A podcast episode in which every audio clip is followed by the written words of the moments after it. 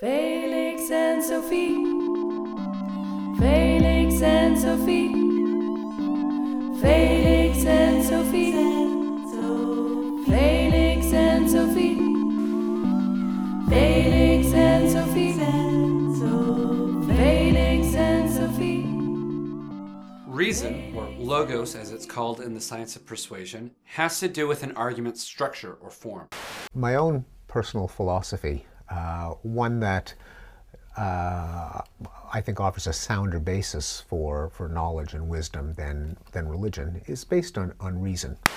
the real intellectual rigor and quest of logic is something that I'm afraid takes incredibly hard work. And we live in an age in which hard work is, if not actively deprecated or denigrated, it is um, run away from or ignored.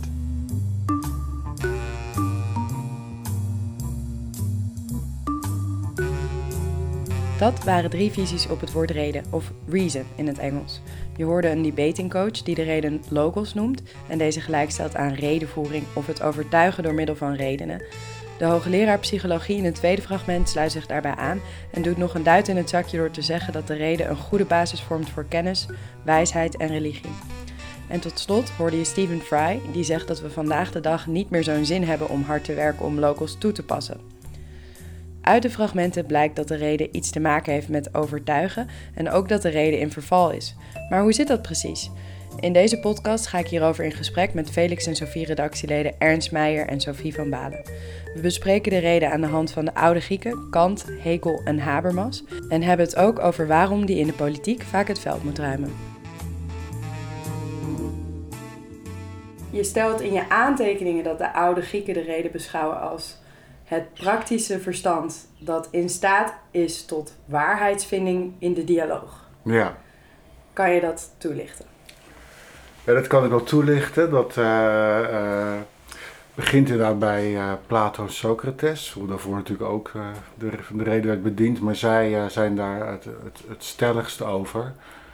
Ehm, ook in een, het is wel aardig omdat bij de oude Grieken ook de, de, de dialoog een grote rol speelt eh, in, het, eh, in het publieke domein. Er is ook echt sprake van een eh, publieke domein waar men in het openbare leven elkaar ontmoet. En ook gesprekken voert over, over staatsinrichting, het goede leven en zo meer. Zij waren ervan overtuigd dat, het, dat de waarheid door elkaar scherp te bevragen ook te achterhalen was. Eh, in die zin ageerden ze ook sterk tegen de sofisten, die dan, nou ja, daar komen wij de retoriek, dat, de, dat eh, eh, taalvaardig en emoties kunnen bespelen, dan kon je wel gelijk krijgen. En of dat nou waar was of niet, dat deed eigenlijk niet ter zake.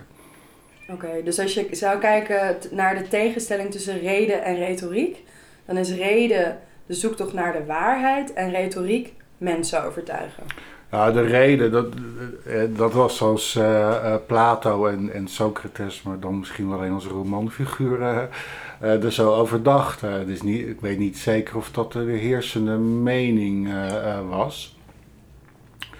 Ehm, en ik weet inmiddels ook dat de, de spreker Emmanuel Rutte ook vergrijpt naar de periode voor Plato en Socrates. En daar die, de verwevenheid van retorica en de reden veel inniger eh, eh, eh, ziet. En dat betekent dat eh, de reden als waarheidsvinding. Nou, dat is denk ik wel als we naar een definitie van reden toe gaan, dat de reden eh, verder gaat dan praktisch verstand, maar ook het vermogen, het verstandelijke vermogen of geestelijke vermogen is om de diepere structuren te onderzoeken, zoals die ons, in onszelf en ons heen zich, eh, ja, wij denken ze te vinden. Dus we kunnen voorbij het waarneembare en het, eh, en het verhalende, discursieve, eh, een diepere structuur beredeneren. En dat is denk ik wat echt de reden is. eh. Wat ook wel interessant is hier, is denk ik dat je het hebt over praktisch verstand. Dus het is niet, reden is niet per se logica. Het is het verstand dat zich richt ook op de praktijk. Het praktische verstand waarmee je de waarheid probeert eh, te achterhalen. Dus de reden wordt hier neergezet als iets waarmee we onze wereld kunnen ehm, beredeneren, kunnen bekijken, kunnen onderzoeken. En wat praktisch verstand zeg je? Wat, wat houdt praktisch verstand in? Nou, het is denk ik makkelijk, het makkelijkst af te zetten tegenover het niet-praktische verstand. Wat bijvoorbeeld, ehm, Analytica? bijvoorbeeld inderdaad, dus de logica. De, dus dat zijn de, de logisch-analytische re- eh, regels eigenlijk waarin de, eh, de wereld geschreven is.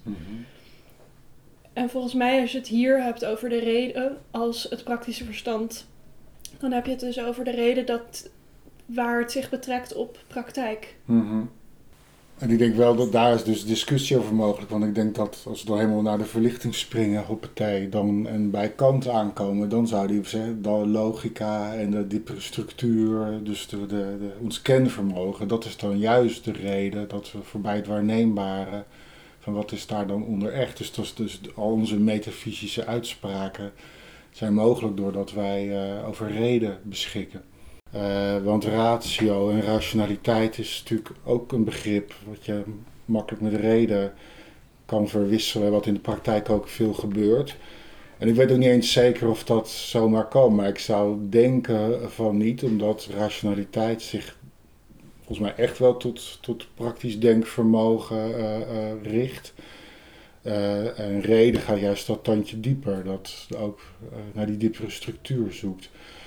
Um, en zeg maar, dat, dat diepere is ook zich, de reden kan zich tot zichzelf verhouden. Het is reflexief. Als je naar de wereld kan kijken, naar je eigen handelen, kan je ook naar je eigen denken kijken. Tot in oneindige, bij wijze van spreken. Dat is heel anders dan, dan je kan van dieren ook zeggen die dat irrationaliteit hebben. Dan wil ik niet die discussie erbij houden. Maar dat een dier gewoon iets slims doet om zijn zin te krijgen, dat is ook een vorm van rationaliteit. Maar of dat reden is, dat is misschien ook in ieder geval als distinctie maken wel nuttig.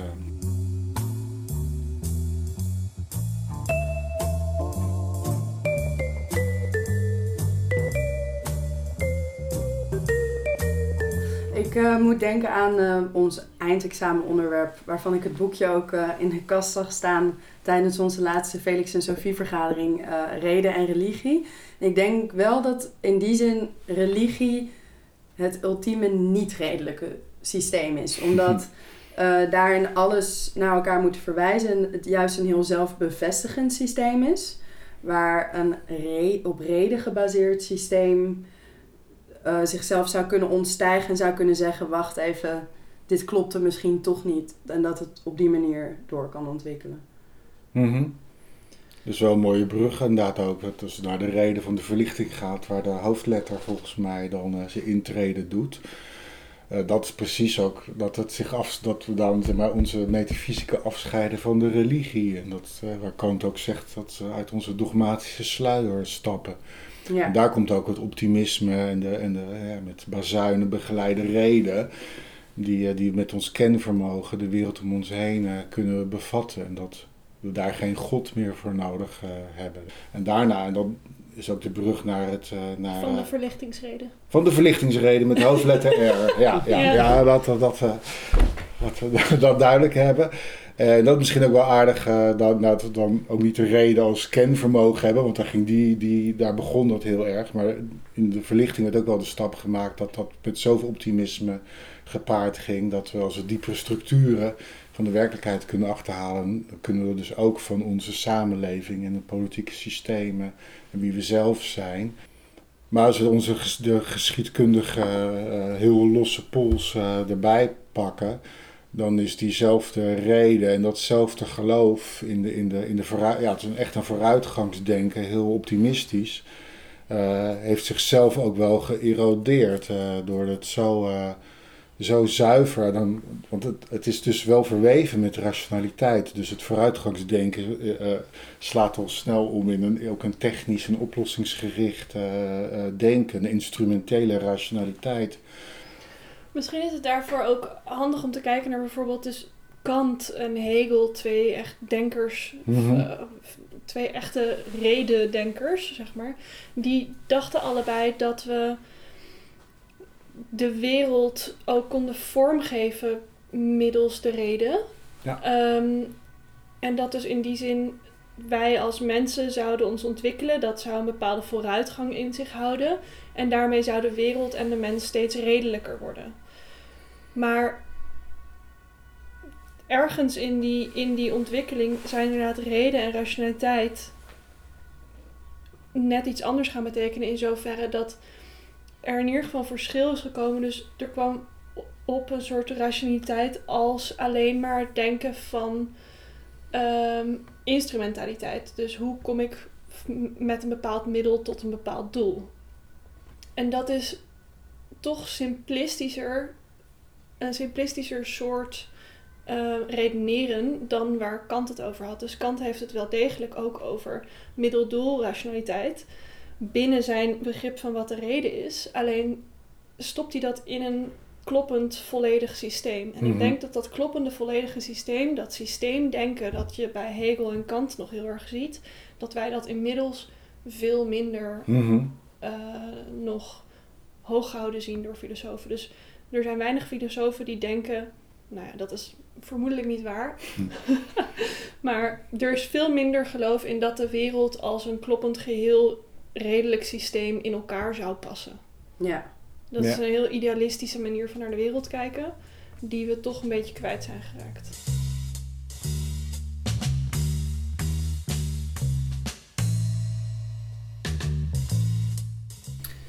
Ehm, in de tekst op de website schrijf je ook... eh, de neoliberale politiek heeft het vermeende failliet van de reden ondertussen stevig omarmd...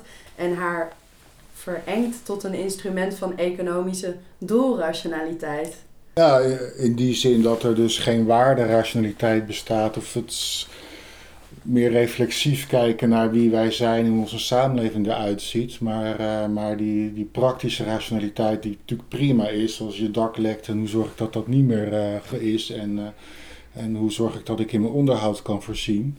Maar om dat tot enige rationaliteit te verheffen en, en dan nog eens verder te verengen tot hoe, hoe, hoe maak ik winst en hoe zorg ik dat, dat de markt functioneert.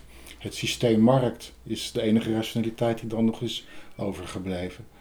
En ik denk dat in het neoliberalisme schamen we ons er ook niet eens meer voor dat alles binnen die vorm van rationaliteit terechtkomt. Ik bedoel, dat is er, het wordt ook echt gepropageerd. Ja, Zo zit de wereld het, in ja, elkaar. het de wereld bestaat ja, uit, uit Ja. eh, doelen en middelen om die doelen te behalen. Ja, er Dus wordt niet verder is- gekeken inderdaad. Nee. Nee. Nee. Nee. en het wordt ook soms bijna belachelijk gemaakt om verder te kijken. Ja, ja. Ja. Er zijn natuurlijk nog wel waarden die, die kiezers ehm, voorop stellen. En daar heeft eh, Maxime Februari het ook over in zijn artikel. Mhm. Eh, conservatieve waarden, mensen die eh, gemeenschapswaarden Ja. voorop stellen. Ehm, en ehm, aan de andere kant meer liberale waarden, Ja. mensen die vrijheid voorop stellen. Het hele, hele liberale denken, hè, dat Mhm. komt nog voor het neoliberale Ja. denken. Dat het liberale in, in die zin wel in de, in de, in de, in de redelijke traditie is ontstaan. Van, waarvan de mens centraal en vrij en autonoom. Eh, dus een direct lijntje met, eh, met Kant en andere verlichtingsdenkers. Ehm, en waar denk ik wel ook een, waar ook een vorm van erosie is ontstaan, dat dat denken heel erg onthecht is en contextloos. Dus de, de, de reden als zwevend boven ons. moderne denkers zoals Rawls, die in neo-Kantiaanse traditie dan van wat is het goede politiek systeem met een sluier van onwetendheid, dan basisprincipes. eh, maar die, ja, die, die landen niet zo, eh, niet zo meer op aarde. En daar is, daar is denk ik ook reden losgezongen van die meer praktische reden. En dat is ook wel de kritiek die, eh, die communitaristen en zo hebben. Van, je moet altijd vanuit context bekijken.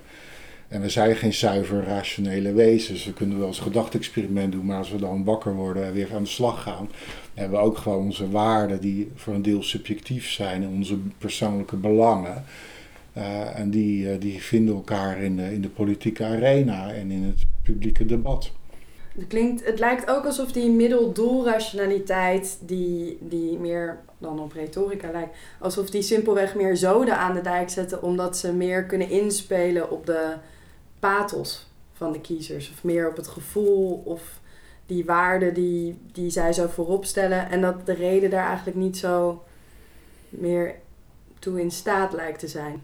Ja, daar, daar, dat is misschien zelfs een andere manier van formuleren. Dat als je een reden die helemaal onthecht is van het echte Ja. leven, dat je dan inderdaad een soort zuivere rationaliteit en, en kijken naar eh, en reflectie. Maar als dat helemaal los is van, van jouw emoties en, en, en belangen en vriendschappen en, eh, en dat is denk ik ook wat je nu in de, in de, in de, in het, in de moderne politiek ook wel ziet. Dat, dat juist dat ontkennen daarvan leidt tot meer en meer polarisatie. Omdat steeds minder mensen zich dan niet eh, gekend en herkend voelen. Denk ik, ja, ik heb wel gewoon belangen en waarom mag ik dat niet gewoon vinden en ervoor staan? En daarin komt ook, dat vind ik heel leuk, zo'n, de manier waarop wij vaak reden in het dagelijks taalgebruik gebruik, eh, tegenkomen, is natuurlijk wees eens redelijk. En dat merk je nu heel erg in de politiek.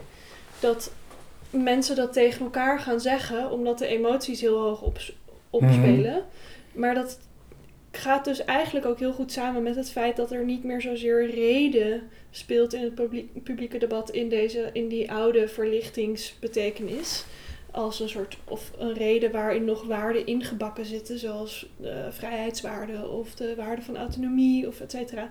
Maar als het alleen nog maar doel-middelrationaliteit is, dan verdwijnt dus eigenlijk de redelijkheid uit onze, ons gebruik van de reden. Ja, ja. Dat is zo mooi gezegd, ja. ja en de Ja. reden is ook inderdaad, eh, dat begint al met onze eigen feilbaarheid eh, onder ogen durven te zien. En, eh, en dat dus redelijk zijn is ook, eh, eh, want als we zuiver rationeel dan zouden de waarheid echt kennen, dat is eigenlijk soort de andere kant van het verhaal. Dat zal niemand, dat zal Kant ook nooit gezegd hebben. Maar dus, dus moet je in gesprek blijven en een oog hebben voor de, elkaars feilbaarheid. En bijvoorbeeld inderdaad, als we dan met elkaar in gesprek gaan, en dat is heel erg Habermas, dat we dan ook veronderstellen dat de ander ook rationeel is en ook redelijk is. eh, En zo kunnen we dus een gesprek voeren. En ook luistert. En luisteren, ja, dat is niet een belangrijk onderdeel van het gesprek.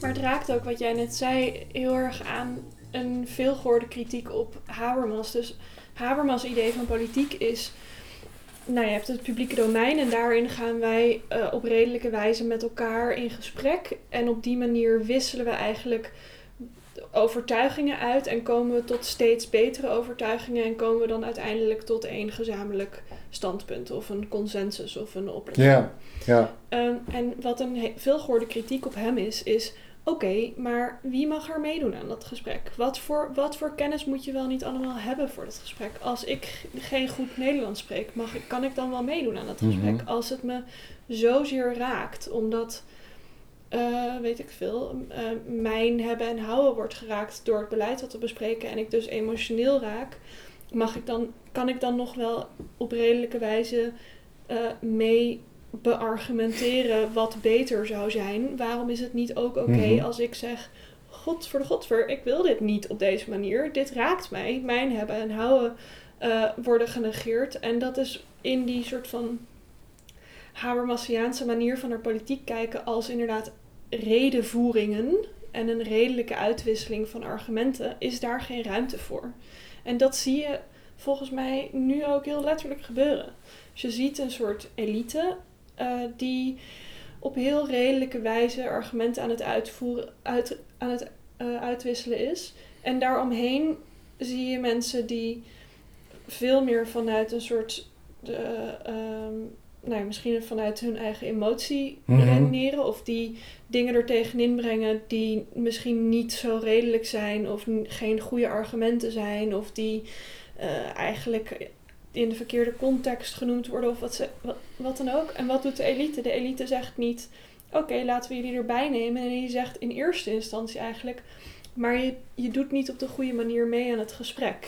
Je Ja. slaat de plank mis. Ja, Ja, dus de elite probeert eh, de reden op een Habermasiaanse manier uit te voeren, maar niemand anders kan daar op die manier eigenlijk aan meedoen. Die- Ik denk wel dat we dat nu ook echt zien gebeuren. Ja. ja. ja ik denk, ik, ik ga er heel eind in mee, maar ik denk dat, dat eh, toevallig eh, had ik het nog erbij gehaald, want hij zegt inderdaad van er zijn drie geldigheidsaanspraken. dat je de waarheid wordt verondersteld te spreken en dat het eh, dat je gerechtigd bent om te spreken. Nou, er zijn best wel vragen, wat, word je- wat bedoel je daar nou precies mee?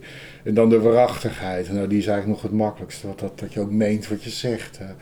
Als je dat terughoudt naar de, naar de, naar de klassieke retorica, dan, dan zie je, hoor je heel veel logos en ethos terug. Maar pathos, dus gewoon boos worden of fel worden, dat is, dan ben je af. Dat staat, dat, Ja. dat zegt dus geldigheids, eh, geldigheidsaanspraken voor de juiste eh, communicatieve rationaliteit. En tegelijkertijd denk ik wel dat dat zit, wat wel, dat zit wel in, eh, in, in wat dan, ik ga maar mee in de term elite.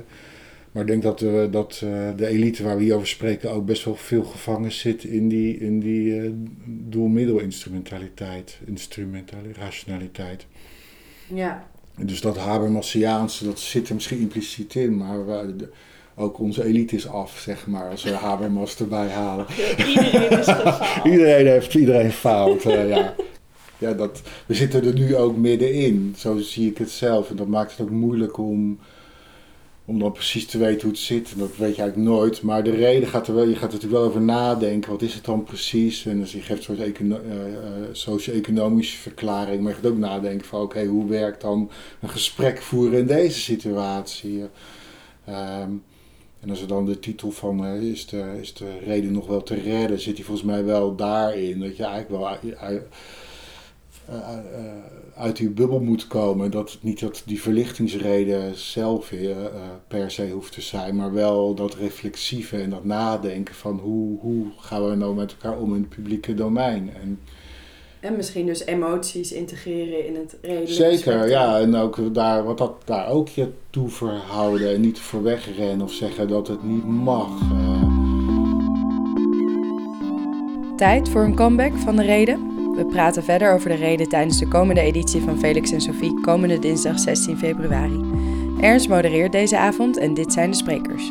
Andrea Spijkerbeek zal inzicht geven in de ontwikkeling van de reden in de publieke ruimte. Emmanuel Rutten komt de verhouding tussen reden en retorica verhelderen. En Gijs van Donselaar houdt een pleidooi voor de reden die volgens hem wel te redden is en doet dit onder andere aan de hand van Nietzsche. Hopelijk tot dan! Deze podcast werd bedacht en geëdit door Josephine van Poppel. Intro door Lucky Fons III met Josephine van Poppel en Linde van Schuppen. En met dank aan sprekers Ernst Meijer en Sophie van Balen.